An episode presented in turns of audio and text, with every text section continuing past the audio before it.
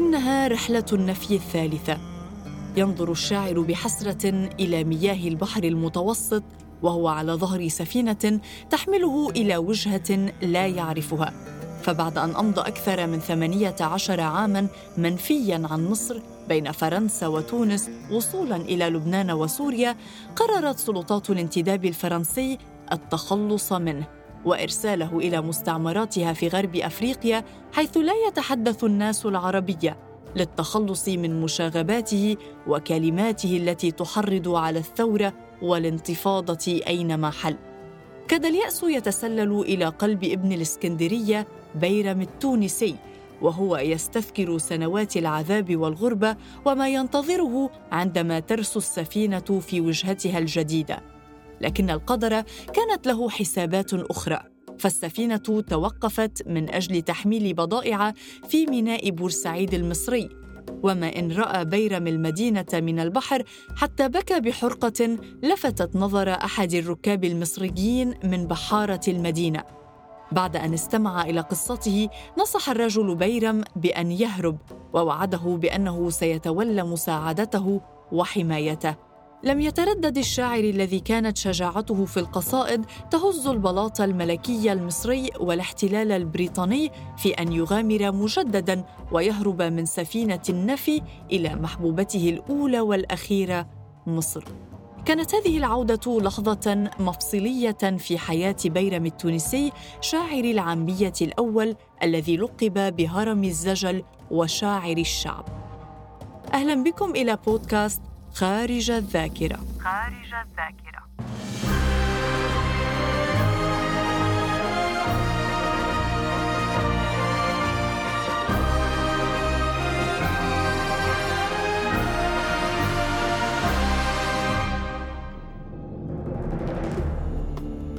في حي الأنفوش الشعبي في مدينة الإسكندرية ولد الشاعر محمود محمد بيرم المشهور ببيرم التونسي في عام 1893 لقب التونسي ارتبط بالعائلة لأن جد بيرم أصله من تونس ووصل إلى الإسكندرية قبل عقود واستقر فيها.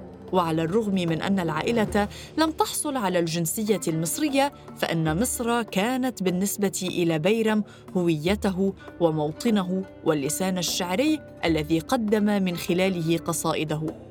كعادة الأطفال في ذلك الزمان أدخل بيرم الكتاب عند أحد شيوخ المنطقة.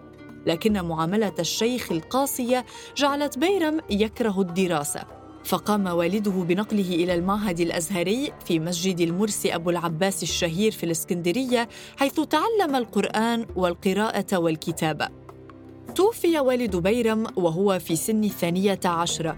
فتغيرت حياته رأساً على عقب وظهرت عليها سمات البؤس والتعاسة فاضطر إلى ترك الدراسة والعمل. خصوصا بعد أن خسرت عائلته كل ما تركه والده بسبب استيلاء الأقرباء على ممتلكاته.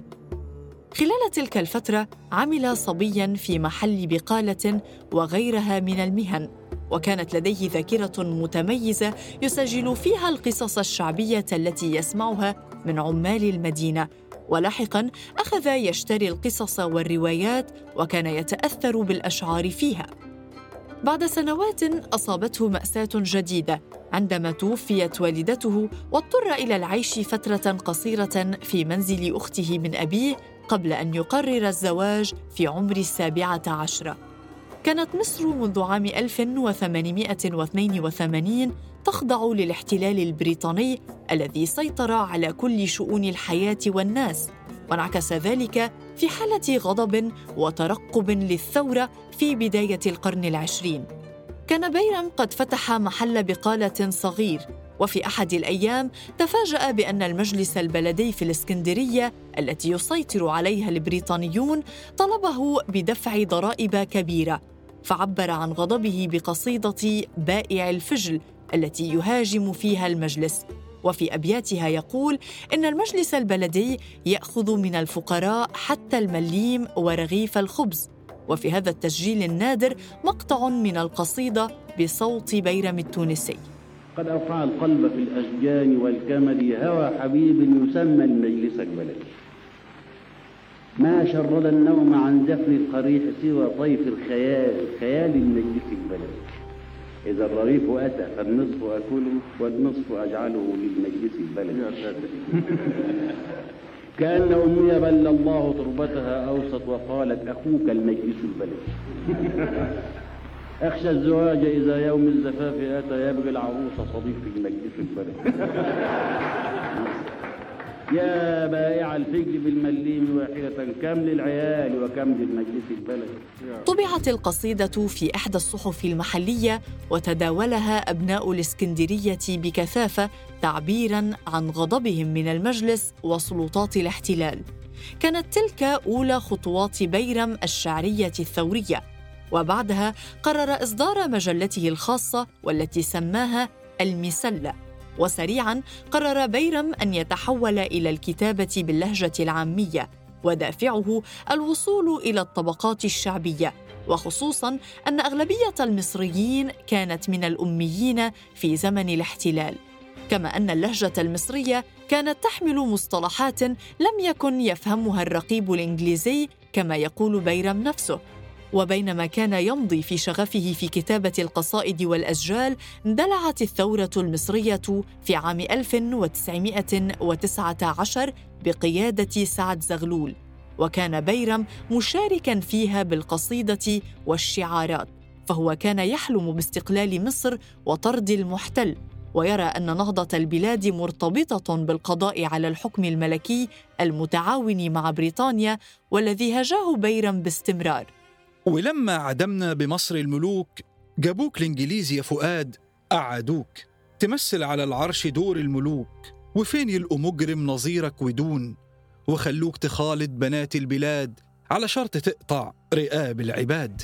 في تلك المرحلة كان بيرم يعمل مع مجموعة أهل الهوى التي ضمته إلى جانب سيد درويش وزكريا أحمد اللذين أسسا نهضة الموسيقى العربية. درويش وبيرم كانا من المدينة نفسها ويجمعهما أيضا حب مصر وكره الاحتلال والغضب من الملك فؤاد الذي كان أداة للبريطانيين.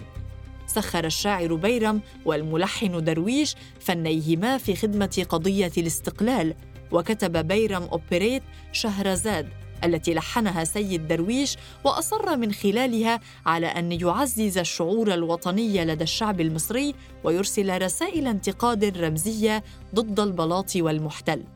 وواحدة من أبرز أغاني الأوبريت أغنية أنا المصري كريم العنصرين. أنا المصري كريم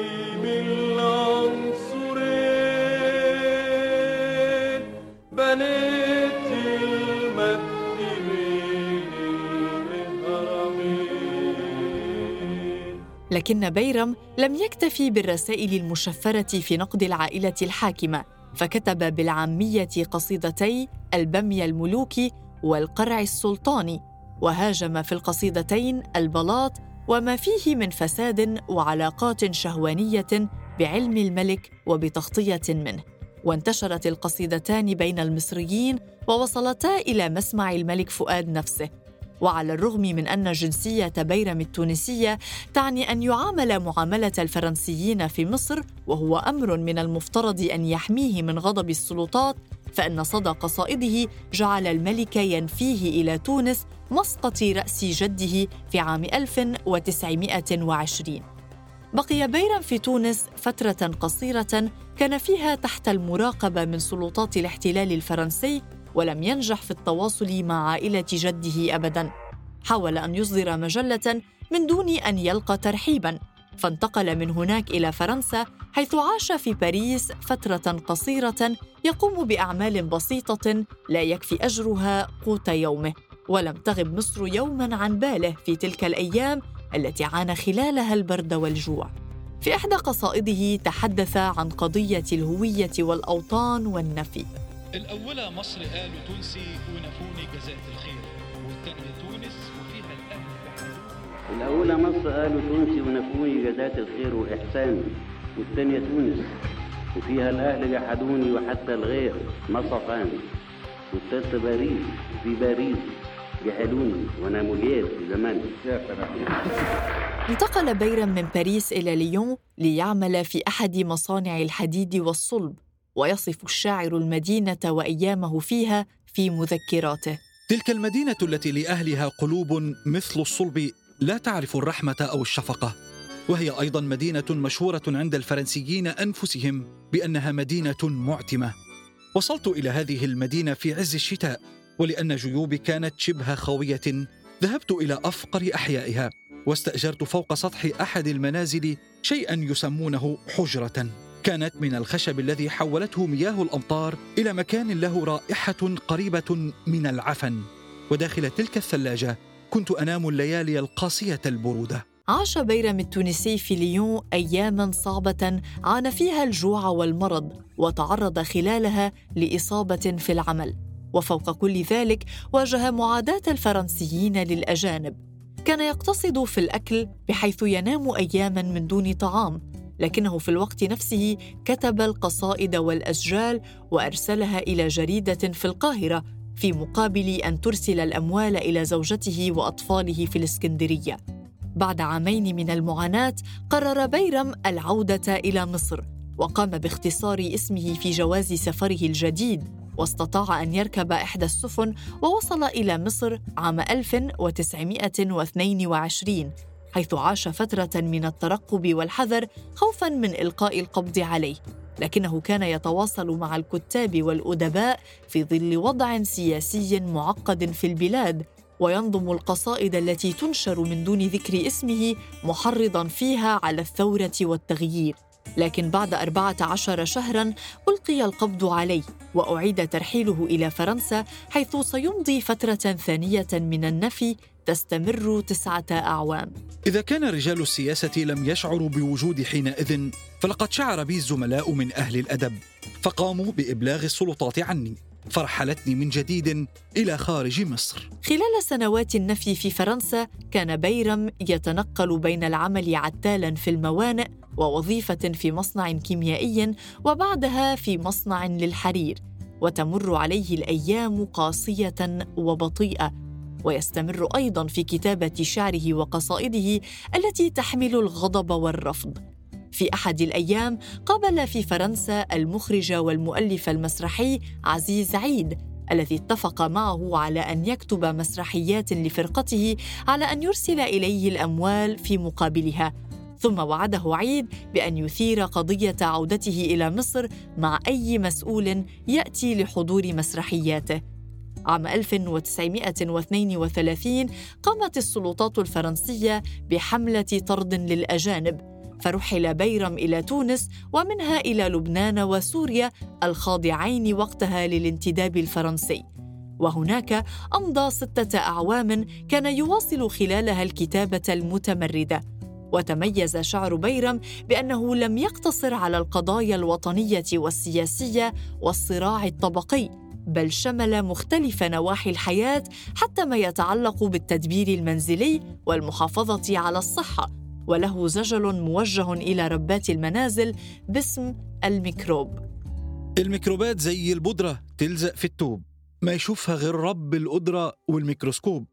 الميكروبات دي ما أرزلها في جسم الإنسان غير السبرتو ما يقتلها ولا الغليان. ضاقت السلطات الفرنسية ذرعا بالشاعر فقررت ترحيله هذه المرة إلى مستعمراتها في غرب أفريقيا فيما يشبه حكم الإعدام على من كان يعيش على الكلمة والقصيدة. لكن رحلته البحرية توقفت صدفة في بورسعيد ونجح في الهرب من السفينة عبر مساعدة بحار مصري وتوجه إلى الإسكندرية مسقط رأسه. ولأن الملك فؤاد كان قد توفي قبل عامين نجح بيرم عبر مساعدة بعض الأصدقاء في الحصول على عفو سمح له بأن يبقى في مصر. غلوب تقطع تذاكر وشبعت يا رب غربة؟ بين الشطوط والبواخر ومن بلادنا الأوروبا. في بورسعيد السفينة رست تفرغ وتملى والبياعين حوطونا بكرت بوستال وعملة لكن بوليس المدينة ما تفوتش من جنبه نملة. انزل دي ساعة تجلي فيها الشياطين في نومة. انزل ده ربك تملي فوقك وفوق الحكومة. بدأ بيرم يكتب للصحف ومنها الأهرام والمصري وأخبار اليوم وركز على تأليف التمثيليات الإذاعية والأعمال الدرامية والقصص الشعبية وذاع صيته بين الشعراء والكتاب وأهل الفن. عام 1940 طلبت أم كلثوم من الملحن زكريا أحمد أن يعرفها إلى صديقه بيرم. وبعد اللقاء اتفق الطرفان على أن يكتب الشاعر لها مجموعة من الأغاني والقصائد. وهذه الأعمال لحنها أبرز ملحني العصر الذهبي ومنهم زكريا أحمد ورياض السنباطي وفريد الأطرش. ومن أشهر أغاني كوكب الشرق التي كتب كلماتها بيرم الورد جميل غني لي شوي شوي. هو صحيح الهوى غلاب الحب كده وأغنية الأهات التي ترددت الست كثيراً قبل غنائها وغيرها عدد من الأغاني. وبعد وفاة بيرم بعشرة أعوام غنت أم كلثوم قصيدته القلب يعشق كل جميل والتي تتحدث عن العلاقة بالله وزيارة مكة والحج. ولحن هذه القصيدة رياض السنباطي.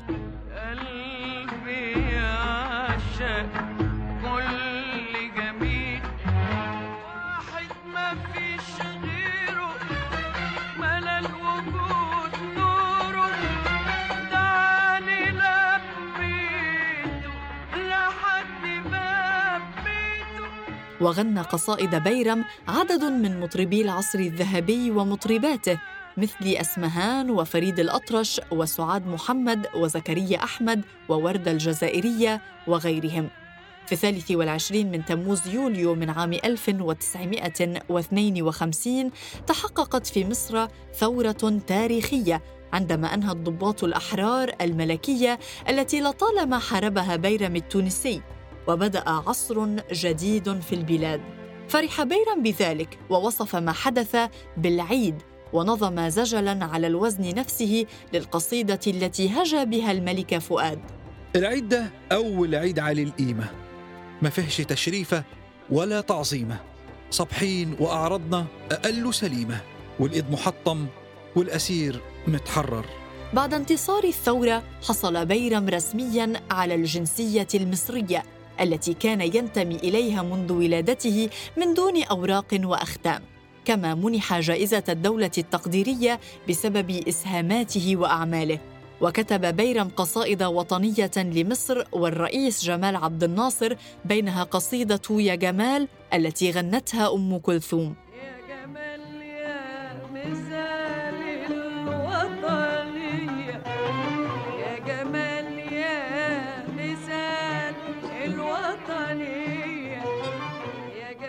كتاباته وأعماله وإبداعه حتى سنوات عمره الأخيرة. وتميز أسلوبه باعتماد العامية والأسلوب البسيط والعميق في آن واحد.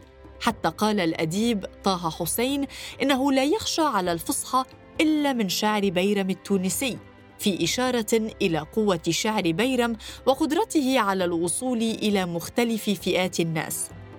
توفي بيرم في الخامس من شهر كانون الثاني يناير عام 1961 بعد معاناة مع المرض وأيام قاسية. وبعد أن صار مدرسة وخطا تأثر بهما أهم شعراء العامية في مصر من صلاح جاهين إلى فؤاد حداد وعبد الرحمن الأبنودي وأحمد فؤاد نجم. وكتب من أجل الإنسان والمجتمع والوطن. قال إيه مراد ابن آدم؟ قلت له طقة قال إيه يكفي منامه؟ قلت له شقة. قال إيه يعجل بموته؟ قلت له زقة. قال حد فيها مخلد؟ قلت له لأ. بودكاست خارج الذاكرة. إعداد وتقديم سارة خازم.